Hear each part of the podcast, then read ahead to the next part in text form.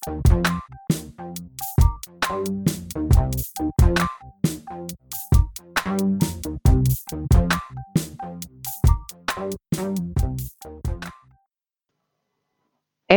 sebelum mulai, kalian sudah cek belum website terbaru dari Opsiana?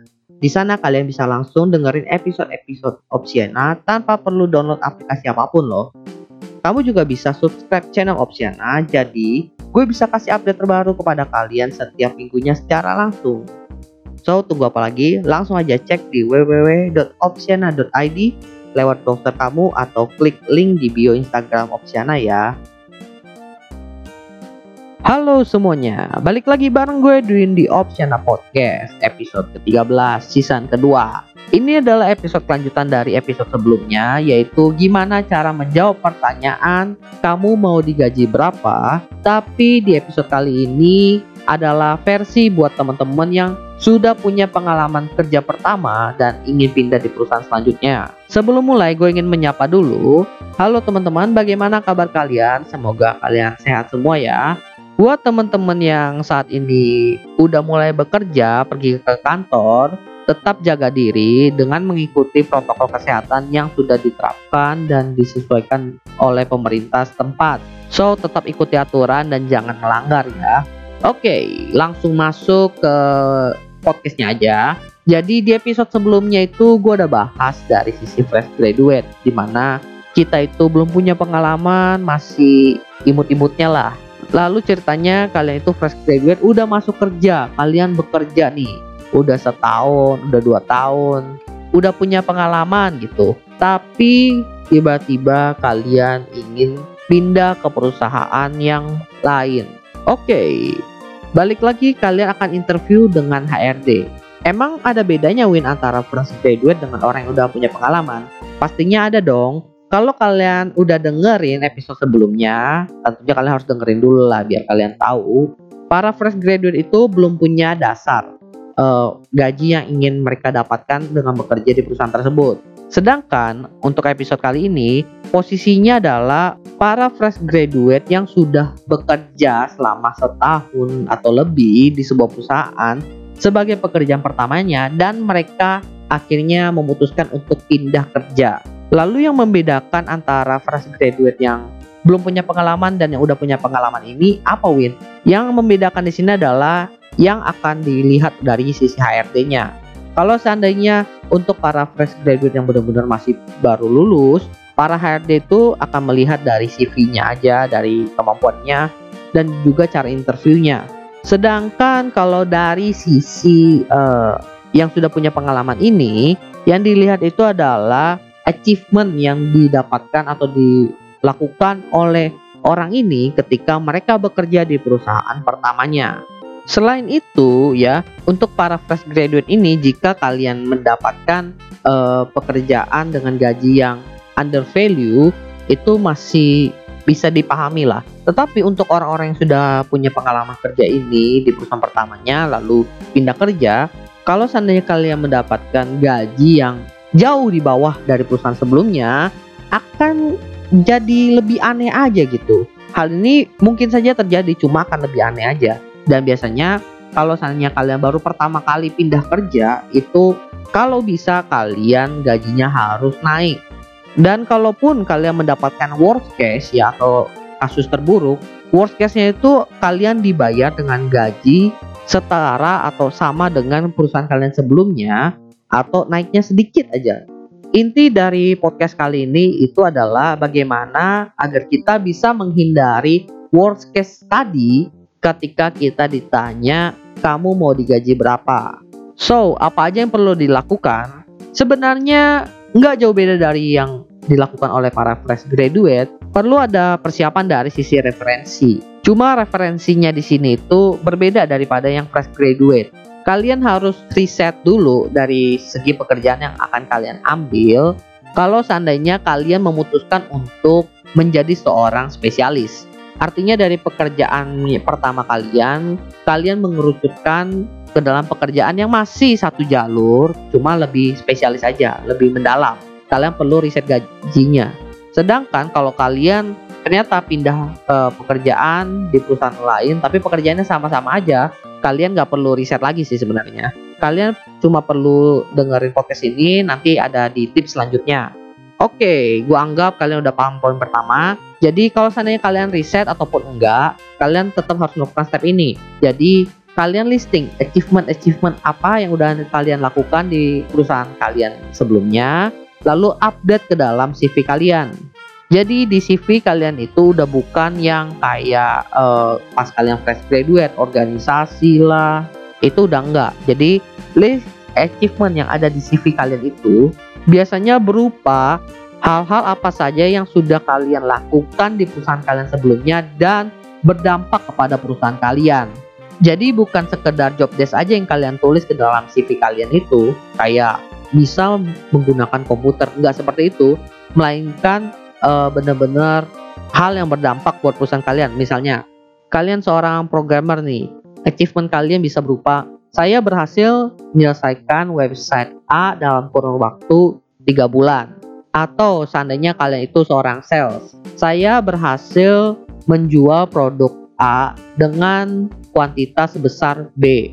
Jadi benar-benar sebuah hal yang historical buat kalian dan perusahaan kalian gitu. Pokoknya diupdate aja ke dalam CV kalian.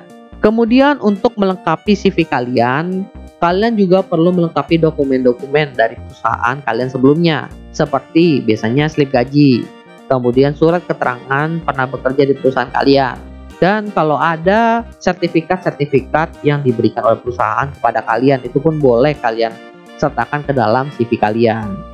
Oke, jadi kalian udah riset, lalu kalian juga udah siapin nih CV kalian, dokumen-dokumen yang penting. Maka kita udah siap masuk ke step selanjutnya dan juga step yang paling penting yaitu mulai hitung-hitungan gaji yang akan kita sebutkan nanti ketika interview.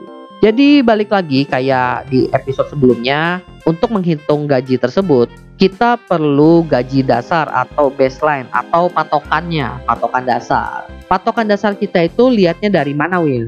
Kalau seandainya kalian tetap bekerja dengan job desk pekerjaan yang sama tapi di perusahaan yang berbeda, maka baseline-nya itu adalah nilai gaji kalian sebelumnya dan itu tertulis di slip gaji itu adalah buktinya. Dari situ kalian bisa naikkan sekitar 20 hingga 30 persen. Cuma biasa orang naikin udah 20% itu udah paling tinggi dan diusahakan oleh para HRD. Tapi tidak menutup kemungkinan untuk naik jauh lebih tinggi daripada perkiraan yang sudah kalian berikan kepada mereka.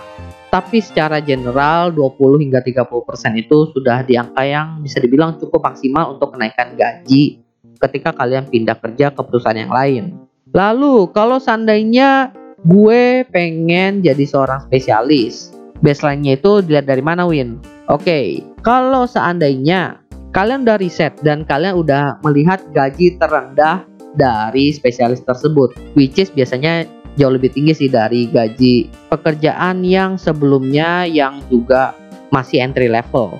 Tapi kalau seandainya kalian dapat referensinya itu ternyata gaji terendah dari spesialis itu jauh lebih rendah daripada gaji kalian di perusahaan sebelumnya, maka baseline-nya tetap gaji kalian di perusahaan sebelumnya, tapi kalian naikkan sekitar 20 hingga 30% seperti sebelumnya. Dengan standar yang paling umum sih 20% lah tetap.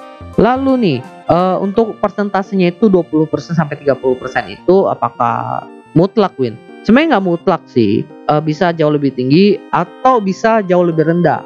Loh, kok bisa jauh lebih rendah Win? Bisa aja kalau seandainya kalian itu ternyata resignnya itu bukan dengan baik-baik atau bisa dibilang kalian dipecat lah. Kalau seandainya kalian dikeluarkan dari perusahaan sebelumnya itu karena memang perusahaannya sudah tidak mampu, untuk persentasenya sekitar 20% sudah masuk akal. Tapi kalau seandainya kalian dipecat karena attitude kalian yang kurang baik, para HRD pun akan mempertimbangkan apakah 20% itu untuk kalian itu worthy.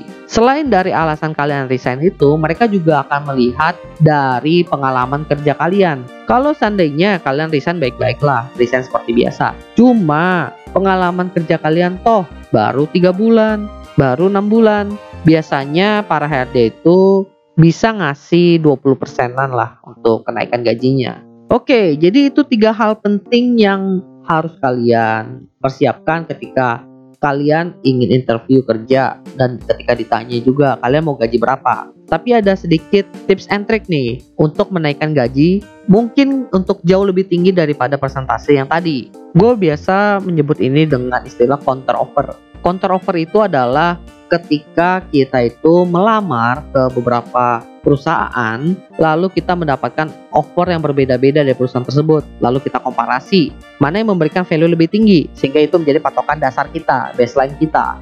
Nah, balik lagi nih, kalau seandainya baseline kita itu ternyata udah jauh lebih tinggi sebelumnya, maka kita bisa memberikan itu sebagai penawaran kita kepada perusahaan. Ketika kita interview. Toh udah ada kok penawaran dari perusahaan sebelah gaji gue segini. Lu mau nggak jauh lebih tinggi? Seperti itu. Tapi biasanya hal ini jarang-jarang terjadi juga. Karena nyari pekerjaan tuh lumayan susah juga. Buat dapat satu aja udah syukur sih kalau orang bilang ya. Tapi ini adalah salah satu cara yang bisa dibilang cukup ampuh kalau seandainya kalian ingin dapat gaji yang juga lumayan tinggi setelah kalian udah melakukan tiga hal tadi dan juga plus satu poin tambahan tadi, kalian akan masuk ke tahap yang sama seperti para fresh graduate, yaitu menunggu offer dari perusahaan tersebut. Jadi ingat ya, tujuan kita dari episode kali ini itu ingin menghindari worst case, yaitu kenaikannya minim ataupun digaji dengan gaji yang sama dengan perusahaan sebelumnya. Kita ingin menghindari kasus tersebut dan hal itu pun terlihat ketika sudah mendapatkan offer dari HRD atau perusahaan yang kita lamar biasanya sih ya kalau kita pindah kerja itu perusahaan akan ngasih gaji yang jauh lebih tinggi daripada di tempat kerja kita sebelumnya. Cuma ada kasusnya kayak worst case tadi. Kalau seandainya kalian mendapatkan worst case, pilihannya kalian tinggal dua. Kalian menerima tawaran tersebut dan bekerja di perusahaan yang baru atau kalian stay di perusahaan kalian yang lama. Toh banyak juga kok orang-orang yang belum resign tapi mereka udah interview kerja di perusahaan sebelumnya. Jadi tetap mereka berada di posisi yang aman lah ibaratnya. Tapi seandainya kalian itu ternyata udah resign duluan, lalu offernya itu tidak memuaskan. Balik lagi, kalian mau menerima atau kalian cari pekerjaan yang serupa di perusahaan yang lain. Karena balik lagi perhitungan yang tadi yang gue kasih itu udah bisa dibilang cukup umum dan banyak orang tahu juga. So tinggal kalian ketemu perusahaan yang sesuai atau tidak. Ya, gua rasa itu aja untuk Opsiana Podcast episode kali ini. Semoga bermanfaat. Buat teman-teman, jangan lupa subscribe newsletter Opsiana di www.opsiana.id karena di sana kalian akan mendapatkan info-info terbaru dari Opsiana dan juga info menarik lainnya langsung ke email pribadi kalian atau kalian bisa follow Instagram Opsiana Podcast di @opsiana_media. Dari situ juga akan ada updatean info terbaru dari Opsiana. Oke, okay, gua rasa itu aja di Opsiana Podcast kali ini. Sekian dari gue Edwin Opsiana Podcast. Thank you.